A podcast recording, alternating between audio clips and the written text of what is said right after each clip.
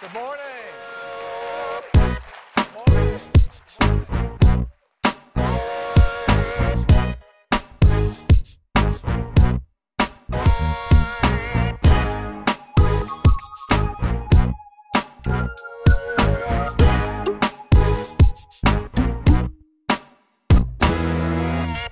Witamy wszystkich w pierwszym premierowym odcinku podcastu Apple Center o nazwie Sok z Jabłka. Z tej strony Max Motyka i Kasper Gagatek.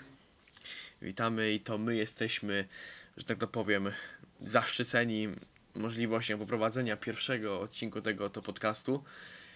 Najprawdopodobniej taki skład już zostanie, ale samo to, że możemy poprowadzić pierwszy odcinek, jak i również zacząć nowy projekt w ramach Apple Center, jest czymś bardzo fajnym. W dzisiejszym odcinku, że tak to, że, że tak to ujmę, w pierwszym odcinku ze, przedstawimy siebie, jak i również powiemy o, powiemy o tym, co się wydarzyło ostatnimi czasy, czyli konferencja Applo, Applowska, która była właśnie w ostatni czwartek.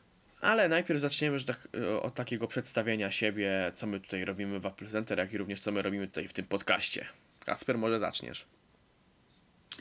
No to tak, ja się znalazłem e, w Apple Center już ponad rok temu. Był to sierpień 2015 roku. e, Kiedy to po, po może pół roku e, pisania z Maxem, e, którego poznałem na początku przez YouTube, potem e, przez Twitter. e, Po pół roku właśnie pisania z Maxem wpadłem na pomysł i Max też, żeby może mnie wciągnąć do Apple Center, bo interesuje się tym. Mógłbym też e, trochę więcej pisać.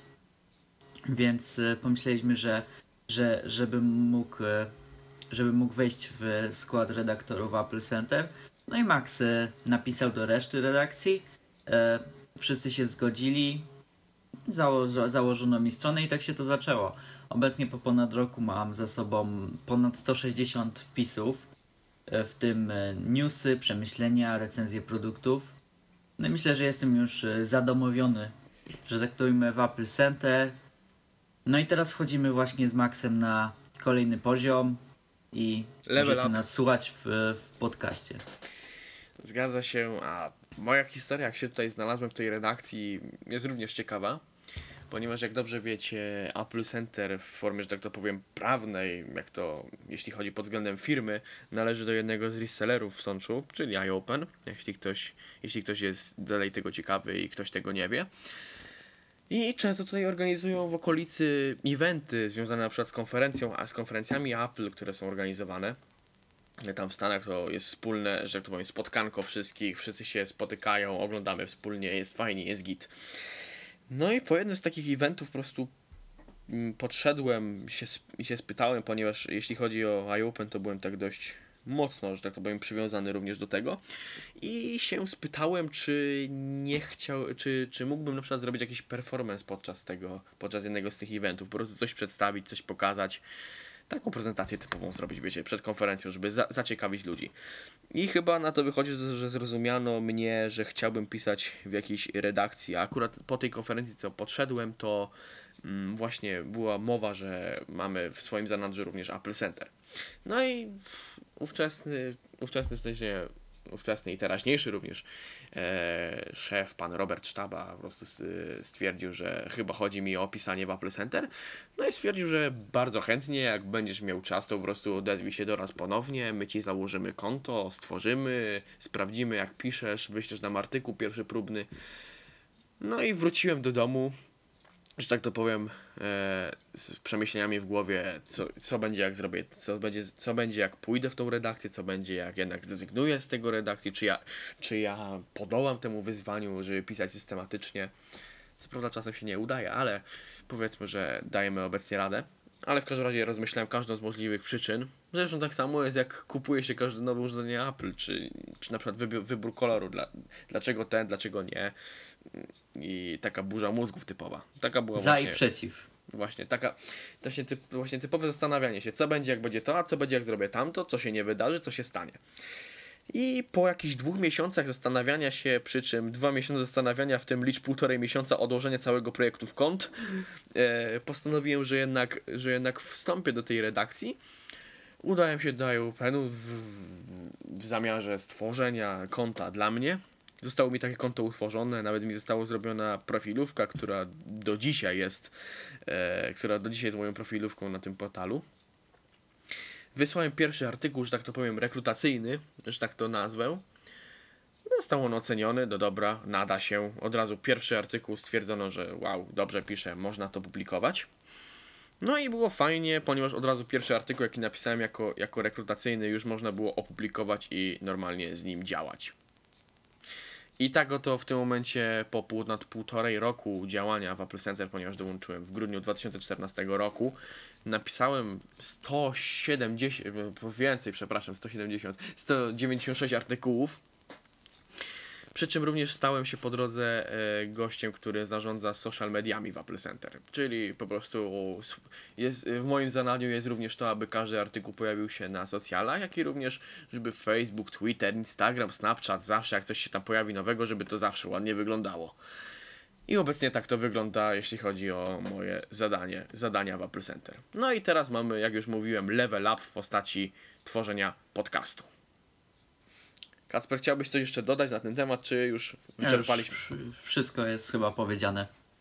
No to dobrze, to teraz przejdźmy do konkretnego tematu tego oto odcinka, czyli The next thing we'd like to talk about is something dear to all of us at Apple, and that is the Mac.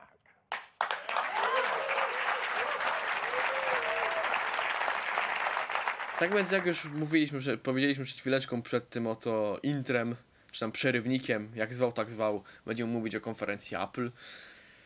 Może najpierw zacznijmy od takich subiektywnych wrażeniach ogólnie o konferencji, jakie wywarły na nas wrażenia. Może Kasper, ty zaczniesz. E, oglądając prezentację, e, oprócz e, paru nowości, no to ogólnie to ja już to wszystko gdzieś widziałem. I to, I to były właśnie wszystkie przecieki, wizualizacje, które wcześniej ukazały się w sieci, to nawet dużo wcześniej. E, więc e, nie, nie widziałem takiego wow, nie widziałem zaskoczenia. W zasadzie to najbardziej zaskoczył mnie MacBook bez touchbara, czyli z normalnymi klawiszami, bo takiego komputera się nie spodziewałem. Ja szczerze mówiąc też.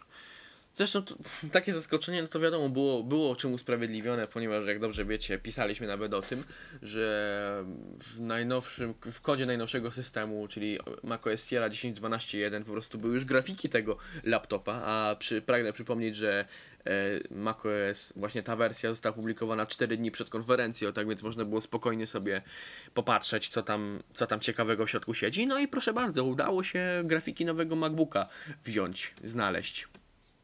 I tak to właśnie wyszło. I grafiki były właśnie tylko tego MacBooka właśnie z tym, z tym touchbarem, czy jak już to wszyscy wtedy nazywali Magic Toolbarem.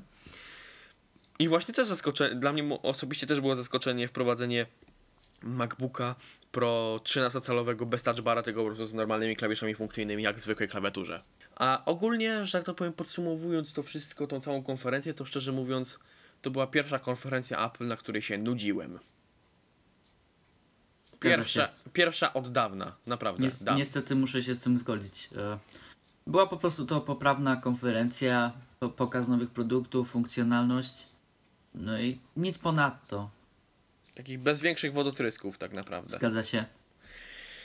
Mm, Szczególnie już takim, taką zapowiedzią tego, że taka konferencja będzie taka, jak właśnie była, to było to, w jakim miejscu była organizowana, bo to było w, w kampusie Apple obecnym, jeszcze nie tym nowym, po, najprawdopodobniej już właśnie nowe MacBooki będą pokazywane już właśnie w nowym kampusie, który już jest praktycznie na ukończeniu.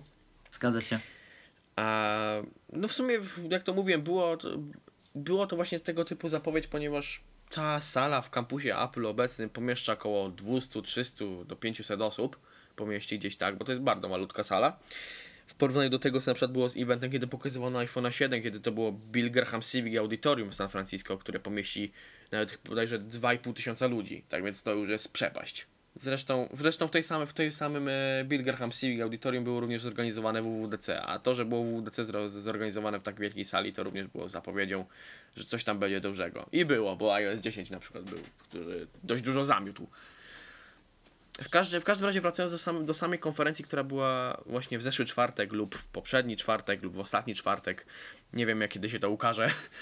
Eee, tak jak mówię, szczerze mówiąc, to było słabe, że konferencja była tylko dla jednego produktu. tak naprawdę. Tak. Każdy się spodziewał e, odświeżenia także innych produktów e, Maców, e, iMaców, czy też no już e, dość długo nieaktualizowanych Maców Mini i Maca Pro, czyli obecnie nie wiem czy nawet czy to nie jest najstarszy komputer w ofercie, chociaż e, Najstarszy, No to ale, jest- ale dalej jest najwydajniejszy, niestety. dokładnie, choć to jest e, trochę to jest dziwne, bo to jest flagowy produkt, e, drogi produkt skierowany do ograniczonego, do ograniczonego, do ograniczonego odbiorców. Określonego odbiorcy, o. Właśnie, Tak, tak, nie, do, nie dla każdego, więc powinni mu przyci- powinni skierować na nim uwagę jakąś szczególną, no a na razie wydaje się, że jest zapomniany.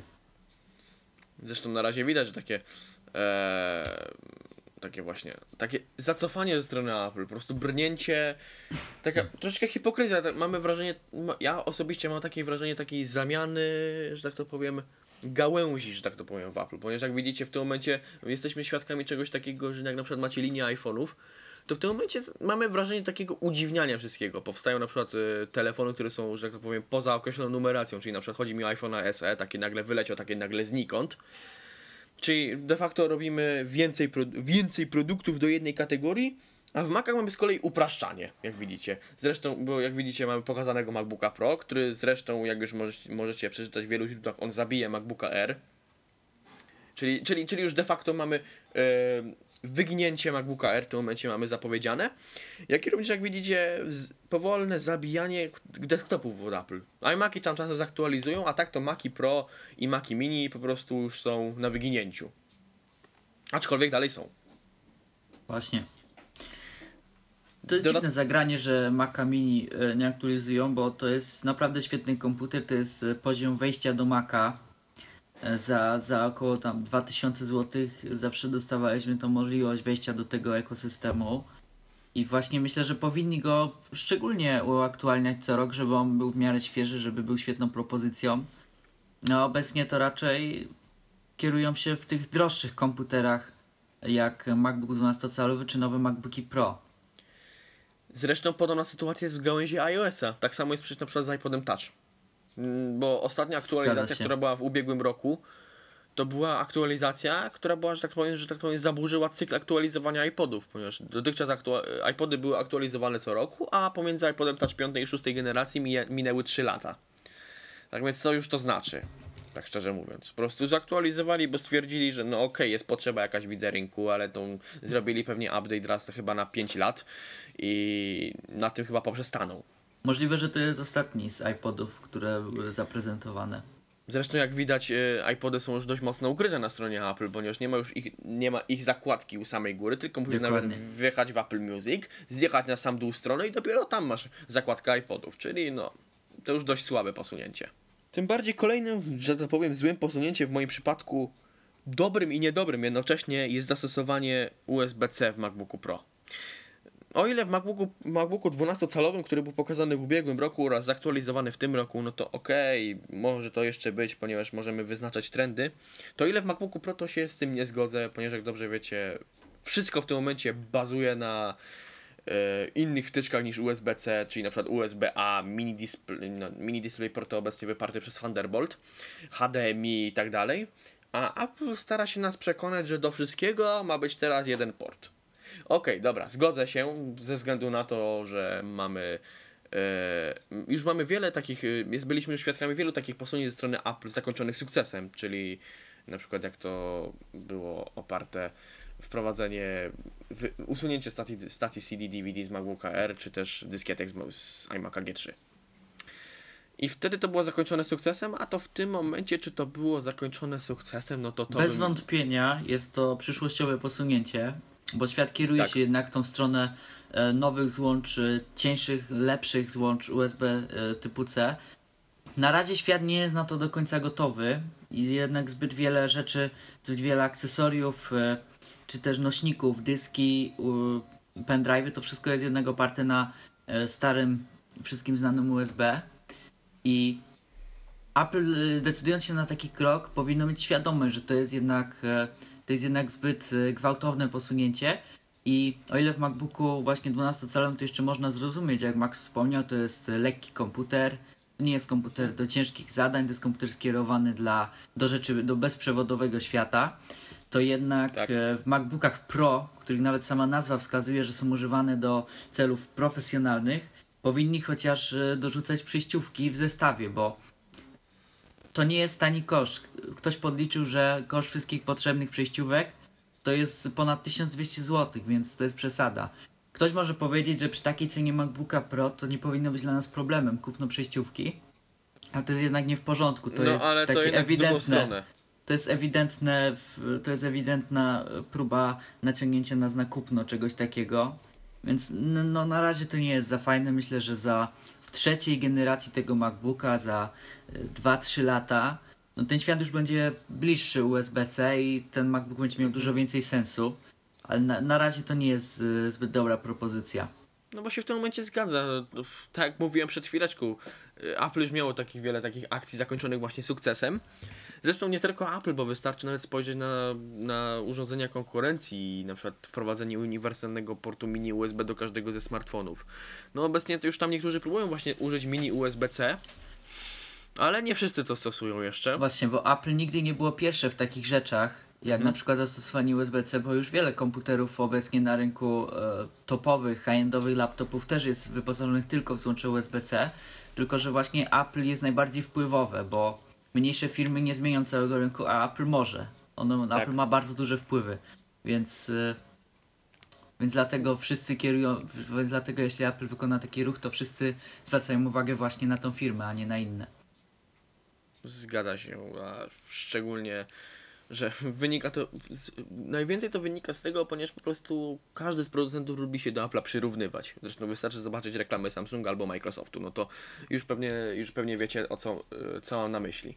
I teraz może powiedzmy o bardzo kolejnym kontrowersyjnym aspekcie mm, MacBooka Pro, czyli o jego cenie.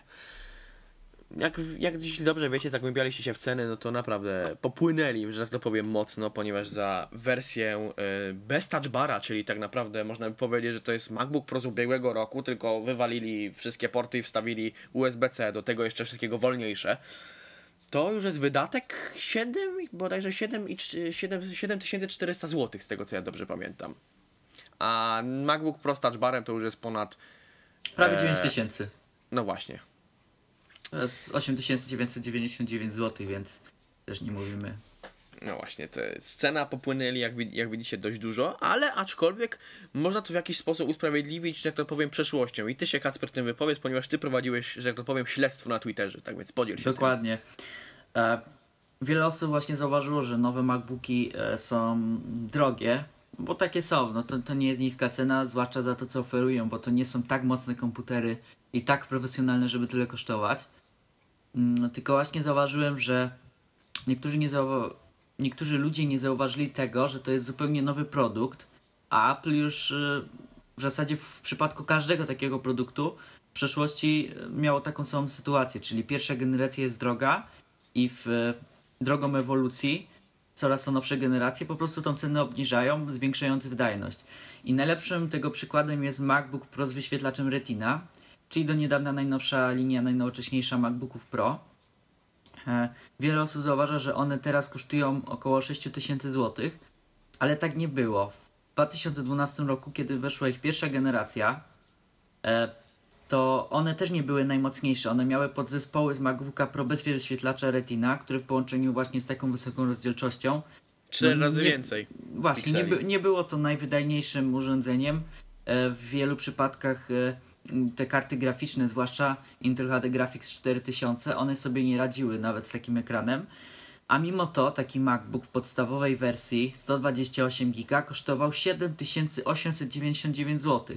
I to mówimy o cenie 4 lata temu. No, e, rynek się trochę zmienił, wszystko podrożało, no a te MacBooki wtedy były jeszcze droższe niż dzisiaj. MacBook Pro w 13-calowy z podstawowym procesorem kosztował wtedy 9300 zł, czyli o 300 zł więcej niż obecnie kosztuje MacBook Pro z mocniejszym procesorem i z barem. Więc y, w takim aspekcie to, to te ceny nie są takie straszne. I myślę, że będą właśnie co, z rok na rok taniej, tak jak to było w, w przypadku MacBooków Pro z wyświetlaczem Retina, aż się obniżą do właśnie poziomu e, dzisiejszego, dzisiejszego MacBooka Pro z wyświetlaczem Retina. Zresztą już taką akcję na przykład nie tylko na MacBooka można zauważyć, zresztą przed samym nagraniem uświadomiłem sobie, że podobny scenariusz występuje w przypadku iMaców z Retiną. Jak dobrze wiecie, gdy dwa lata temu wprowadzono iMac'a 5K z Retiną 27-calowego, no to była nawet taka afera, że on podobno potrafi się zawiesić podczas od, odpalania bardziej zaawansowanej strony w Safari, a najtańsza wersja kosztowała bodajże chyba nawet 11 tysięcy złotych. A teraz mamy jaką sytuację? Po prostu poprawiona wydajność. Wszystkie procesory, które są e, zawierane w tych iMacach z Retiną są już wydajne, potrafią uciągnąć spokojnie system. Zresztą mamy, my oboje, ja z Kacperem mamy znajomego, który takiego iMac'a 5K z Retiną posiada i nie narzeka w ogóle na wydajność. Wydajność jest na bardzo wysokim poziomie, na wręcz idealnym poziomie, jeszcze w połączeniu z Retiną. I do tego jest jeszcze tańszy, ponieważ yy, bodajże kupił właśnie jedną z tych tańszych wersji, która obecnie kosztuje gdzieś tak około 8000 zł. Czyli mamy obniżkę 2000 zł względem generacji, która można śmiało to powiedzieć nie działała. Jest, I nie mamy przepłacania, mamy wydajniejszy komputer, wszystko jest dobrze. Mam nadzieję, że w przypadku właśnie tego MacBooka Pro z Retiną podobny scenariusz będzie mieć miejsce. Myślę, że będzie tak samo. A teraz może jeszcze wróćmy z powrotem do, że tak to powiem, do e, ogólnej, ogólnej, że tak to powiem, wrażeń z tego oto MacBooka. I teraz wypowiedzmy się o touchbarze. Jak sądzisz, czy Kasper, czy Mount, że tak to powiem, taki potencjał by coś e, zmienić, wnieść w, w użytkowanie tego oto MacBooka, czy jednak nie? Dla mnie na razie to jest tylko gadżet. Ja nie widzę w nim nic specjalnego. Nawet widzę w wielu przypadkach utrudnienie. No, przykładowo robimy e, jakiś projekt w Photoshopie, w tle leci muzyka z Apple Music i na przykład chcemy bardzo szybko ją wyciszyć, no a nie mamy przycisku do tego, bo jest zakryty czymś innym. I przez to musimy włączyć e, opcję w touchbara i zmienić, zmienić przyciski, żeby pojawiły nam się te odgłośności i dopiero wtedy wyciszyć. To jest moim zdaniem strasznie niewygodne i zajmuje dużo czasu. Więc na razie ja nie widzę takiego potencjału w tym e, touchbarze, zwłaszcza, że on też nie robi nie wiadomo jakich rzeczy. Tam są rzeczy, które byśmy spokojnie mogli zrobić w programie, więc taki dodatkowy pasek w zasadzie tylko oszczędza miejsce na tym ekranie też się mogę z tym zgodzić, że on za wiele nie wnosi, a, ale aczkolwiek na niektóre, na niektóre, że tak powiem, rzeczy faktycznie może coś wpłynąć. W przypadku, w przypadku na przykład, nie wiem, jak trzeba odebrać połączenie czy coś, to nie musimy, tak, to mi się tak bardzo się, podoba. Nie musimy się odrywać e, z obecnie wykonywanej e, czynności, tylko po prostu, nie wiem, nawet podczas pisania. Szukać tego przycisku, na... szukać tego przycisku od odbierania tego okienka na mhm. ekranie, jak czasem mamy bardzo dużo treści otwartych, to nawet nie wiadomo gdzie patrzeć, bo to jest taki odruch Zgadza człowieka. Się a tutaj mamy to po prostu nad klawiaturą, świeci się na zielono, wyraźnie to widzimy, od razu szybko możemy odebrać i mhm. to jest naprawdę bardzo fajna rzecz i myślę, że to też ma potencjał, tylko na razie jeszcze nie jest wykorzystany, bo w zasadzie ograniczenie tego touchbara to jest tylko y, wyobraźnia deweloperów i twórców aplikacji, co oni mogą z tym zrobić, bo jest dużo rzeczy, które by można tam było zrobić. Zgadza się. Tym bardziej troszeczkę nie rozumiem y, sposobów prezentowania go na konferencji Apple, która miała właśnie miejsce ostatnio. Myślę, że jak dobrze wiecie, było to poparte wieloma, yy, wieloma osobami z różnych, że tak to powiem, gałęzi e, tworzenia na przykład różnego kontentu, czy również wykorzystywania tego touchbara. Była na przykład pani, która reprezentowała zespół od tworzenia Final Cut Pro, czyli narzędzia Apple do profesjonalnej obsługi, profesjonalnej obróbki wideo, jak i również mieliśmy z Photoshopa oraz mieliśmy DJ-a, który za pomocą aplikacji DJ-skiej na touchbarze e, próbował tworzyć muzykę. Szczerze mówiąc, jak jeszcze te dwa ostatnie, e, dwa, tfu, dwa pierwsze przypadki zrozumiem, bo Final Cut Pro to, fak to, faktycznie to działa fajnie, dość, dość Final, zaskakująco. Final Cut Pro to program, który ma naprawdę bardzo dużo narzędzi i taki touchbar może ograniczyć nam miejsce na e, więcej rzeczy po prostu się wtedy zmieścimy w tym programie, zwłaszcza na niewielkim ekranie MacBooka. Więc tu jest super, a no właśnie, Max dokończ. A tak w przypadku na przykład e, tego DJ-a to najpierw na początku co ja stwierdziłem to e, raczej ten touch bar nie zastąpi launchpada, launchpada DJ-skiego, czyli wiecie, wielki, wielkiego takiego interfejsu do bawienia się tym wszystkim, na przykład masterowania efektów. Podobne coś jak macie w garaż, będzie sobie odpalicie, nie wiem, sampler albo mm, te instrumenty, które są z gatunku, że tak to powiem, inteligentnych, że one potrafią wam układać muzykę za was, czy po prostu nakładacie, jakie akordy mają grać. To jest podobne, na podobnej zasadzie to działa.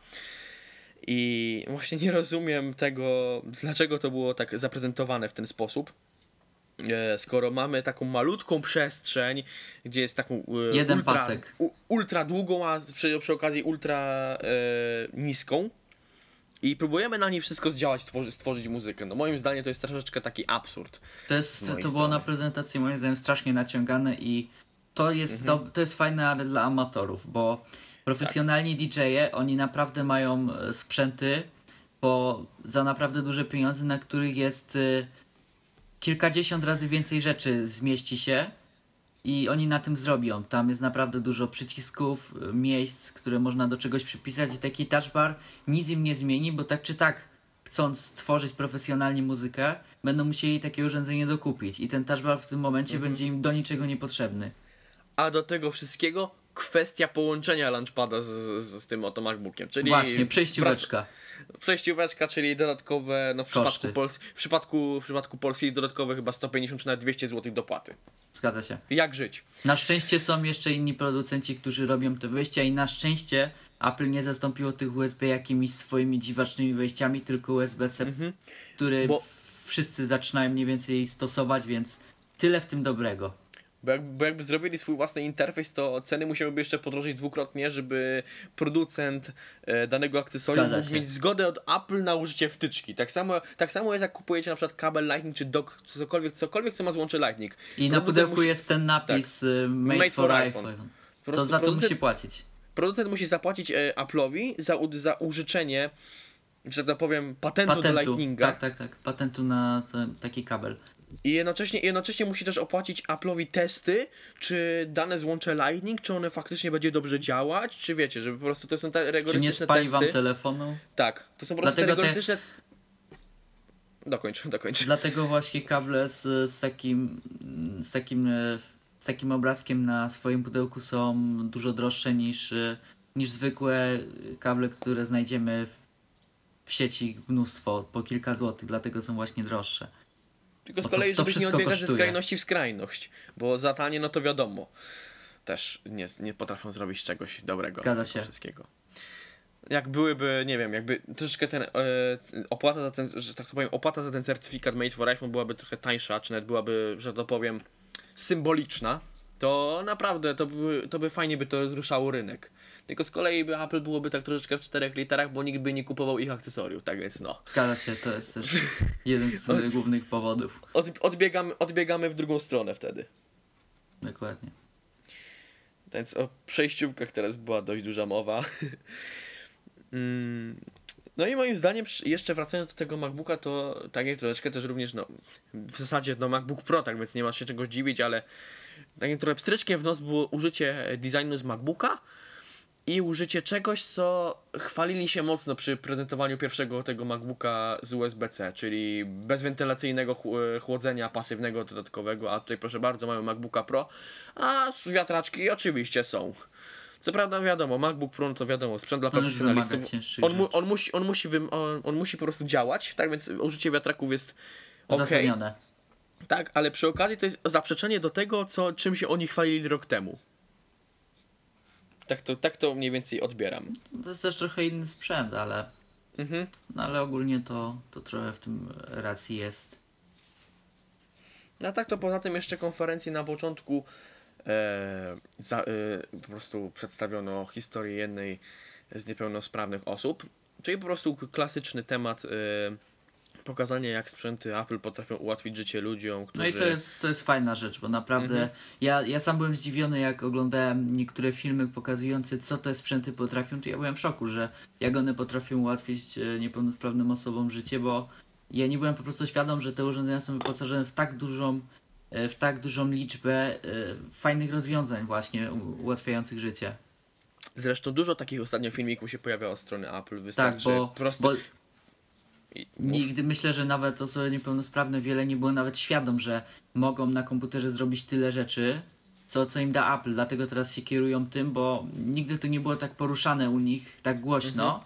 Tylko to było zaimplementowane w systemie, ale raczej cicho, a teraz to pokazują i, i to jest bardzo słuszna rzecz i, i fajna, więc Zresztą teraz to przenoszą na, na nową płaszczyznę. Wystarczy przypomnieć sobie WWDC, jak oni wyraźnie podkreślali, że teraz Apple Watch potrafi również e, działać z treningami dla osób niepełnosprawnych. Czyli, tak. czyli włączacie sobie, że na przykład jeste- jesteście na wózku inwalidzkim, proszę bardzo, możecie sobie mierzyć aktywność, jak ktoś się porusza właśnie na wózku. To jest też zawarte się w, wielu filmach, e, w wielu filmach reklamujących te rzeczy i, Tak. i to jest Tak. e, bardzo fajne, to jest u Apple'a. I to jest też fajne, że właśnie te, za pomocą tych reklam, że tak to powiem, w reklamy Apple Watcha wprowadzają, że tak to powiem, przyrównują, że faktycznie niepełnosprawność u kogoś wcale nie przekreśla, że, że jest się gorszym człowiekiem. Tak moim, moim Zgadza odczuciu się. subiektywnym. Tak A w każdym razie wrac- wracając do dostępności, yy, dostępności, co oni reklamowali, to, to jak mówiłem, na wielu filmach można to już zauważyć. Jak już mówiłem, reklamy Apple Watcha, reklama, którą pokazali, film y, pos- przedstawiający historię tej niepełnosprawnej dziewczynki na, na, na początku tej konferencji. W kwietniu pojawiła się kampania reklamująca tam jednego, jednego chłopaka z autyzmem, który po prostu używał iPada do komunikacji z ludźmi, po prostu nauczył się po prostu pisać poprzez iPada i iPad mu po prostu odczytuje to, co on zapisze. I przy tym do kamery, że tak to powiem, iPad w jego imieniu wymawiał, że jest on niezwykle dumny z tego, że może mieć w końcu swój głos, czyli czytaj e, lektor z iPada. Jak i również kolejną kampanią, która moim zdaniem to po prostu było mistrzostwo marketingu w wykonaniu Apple, to była świąteczna reklama Apple z zeszłego roku, ze Stevie Wonderem. Który Zgadza na, się. początku, który na początku widać, że on próbował, wiadomo, Stevie Wonder nie, wido, nie jest niewidomy, który po prostu potrafił obsłużyć program GarageBand poprzez voice over. To jest po prostu pokazanie, subtelne pokazanie właśnie jak, jak e, dostępność działa i to jeszcze w taki piękny sposób. Porównanie, e, zawarcie e, niepełnosprawności, świąt, no i takiego klimatu. Znanej osoby, No jeszcze sławna osoba, no właśnie. To jest jeszcze kolejny. Więc jak już mówiliśmy, wszystko w jednym. No, Apple, Apple w wielu, wielu takich kwestiach jest mistrzostwem, e, jest mistrzami względem mar- marketingu. Zresztą od dawna to jest, wystarczy zobaczyć na reklamę zapowiadającą konferencję pokazującą pierwszego Macintosha w 84, no to już wszystko wiemy. No i cóż, chyba mi się wydaje, że to już by mogłoby być na tyle nawet. Z tego- Jeżeli chodzi o MacBooka z touchbarem, bo jeszcze jest No MacBook tak. bez touchbara, który, No tak, jest- te, tak jak wspomniałem, to ten komputer mnie dość zaskoczył, bo nie spodziewałem się, że będzie takie coś. E, Jak nawet e, na prezentacji wspomniano, jest to komputer, który docenią zwłaszcza użytkownicy MacBooków Air jako zobaczą w nim następcę. No i myślę, że jest w tym trochę prawdy. Ja osobiście jako właściciel i użytkownik e, MacBooka Air mi się ten komputer podoba. Myślę, że spełniłby moje oczekiwania. Tylko właśnie barierą jest taka cena, bo na razie dla, to jest powód, dla którego pozostał MacBook Air w ofercie i pewnie stanie się z nim to, co z MacBookiem Pro bez wyświetlacza Retina kiedyś, czyli on zostanie do tego czasu, aż, aż, nie, aż inne MacBooki nie zniżą się do takiego poziomu e, cenowego, e, bo MacBook Air na razie jest e, po prostu komputerem, który wydaje mi się, że oferuje świetną, świetną, świetny stosunek ceny do jakości, bo ten komputer może nie jest taki okazyjny, jak się patrzy na stronie Apple, ale naprawdę jego da się kupić za dobre pieniądze i otrzymujemy dobry sprzęt. Więc, e, więc on jest, dlatego on pozostał jeszcze w ofercie, bo MacBook Pro mm, bez touchbara, który ma go zastąpić, na razie kosztuje 7,5 tysiąca prawie, no to to jest jednak bardzo duża różnica, około 3000, to jest, to jest prawie cena, to jest prawie cena, większość ceny MacBooka Air. Prawie Więc- drugi MacBook. Właśnie, więc, więc y, technicznie jest jego świetnym następcą. No niestety na razie nie można go tak nazwać moim zdaniem, ale za myślę, że za 2-3 lata w trzeciej generacji on się, on, jego cena zostanie obniżona do takiego poziomu, że będzie można już wykluczyć MacBook Air z oferty i on będzie świetnym komputerem.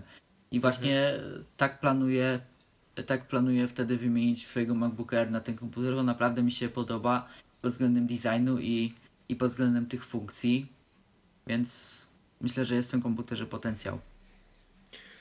Ja również tak twierdzę. Z, e, również właśnie mm, pierwsze, co mnie odtrąciło od tego, że w ogóle jak Apple może powiedzieć, że to jest zastępca MacBooka R, e, patrząc na cenę właśnie, ponieważ jak, jak właśnie to Kasper poruszył, że prawie drugiego MacBooka R można mieć za to.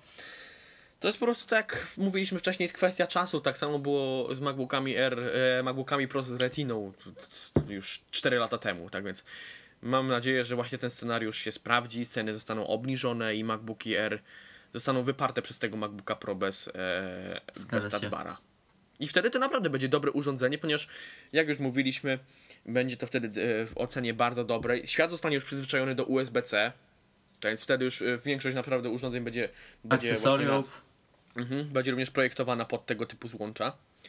Jedyne, co mnie jeszcze denerwuje w tym, to jest takie nachalne ograniczanie, e, jeśli chodzi o, jeśli chodzi o właśnie mm, ceny komputery z niższej półki, ponieważ brandujemy się tym samym, czyli MacBookiem Pro, ale w zamian dostajemy, bodajże chyba ten właśnie ten MacBook Pro bez Touch Bara ma dwa złącza USB-C, a nie cztery, Zgadza się, ja a do, i, do, i do tego wolniejsze.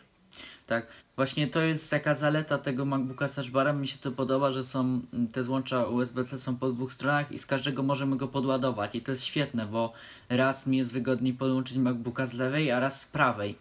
Często mnie to denerwuje, że mojego MacBooka muszę podłączyć tylko z lewej strony, a muszę przekładać cały kabel, w zasadzie się nim owinąć, żeby go gdzieś podłączyć, więc myślę, że to jest super i niestety tego super, tej super rzeczy jest pozbawiony MacBook, Air, MacBook Pro, przepraszam, e, bez touch bara. Ja tego zupełnie nie rozumiem. Ale z kolei można powiedzieć zaletę MagSafe'a, którą, którego masz w swoim MacBooku, czyli No właśnie, odporność na wyrywanie. nie zrzucę swojego komputera z biurka, kiedy się potknę o kabel. Na nowe MacBooki Tak. Pro może spotkać taki los. Mhm. To, jest sumie- trochę krok w tył, nie, nie rozumiem. Jedno z tych złącz USB-C mogło być bez problemu magnetyczne i do tego ładowarka. Albo wszystkie nawet. Albo nawet wszystkie. Nawet jak chcieli oszczędzić, to wystarczy, żeby chociaż takie jedno złącze było. I to już by rozwiązało naprawdę dużo problemów, Mhm. a tak to jest trochę krok w tył pod tym względem. Zgadza się. No to mi się wydaje, że już chyba wyczerpaliśmy cały ten temat, jeśli chodzi o całą konferencję. MacBooka i wszystkie tematy poboczne, poboczne, które nam się narzuciły na język. Mamy nadzieję, że Wam się ten pierwszy odcinek już się spodobał. Jeśli tak, to zachęcamy Was do zasubskrybowania nas w iTunes Podcasts, jak i również zafollowowania na SoundCloudzie, zależy gdzie Wy to w tym momencie słuchacie. No i też Jakie wyrażanie opinii. Oczywiście, E, co, wyrażanie... co sądzicie, co powinniśmy może poprawić, czy też jakie tematy poruszyć, no bo też na tym się w dużej mierze będzie opierał ten podcast. Oczywiście, interakcja, że tak to powiem, widowni to również będzie ważny element, że tak to powiem, tego oto programu autorskiego. Em, No i mam nadzieję, że, wam, że ten pierwszy odcinek Wam się spodobał. Jak już mówiliśmy, wyraźcie, wyraźcie swoją opinię w komentarzach. E, Jak i również zapraszamy na naszą stronę, że tak powiem, tego podcastu podcast.applecenter.pl tam będzie więcej informacji o następnych odcinkach, jak i również na fanpage'a. Póki co fanpage Apple Center będzie mm, pośredniczyć e, sprawy związane z tym oto podcastem z sokiem z jabłka. No i mam nadzieję, że usłyszymy się kolejny raz w następnym odcinku. Mam nadzieję, że, że subskrypcja będzie zostawiona, jak i również follow na SoundCloudzie. Jak już mówiłem, zależy, zależy z jakiej platformy obecnie korzystacie. Dziękuję bardzo za odsłuch. Do usłyszenia. Na razie. Cześć!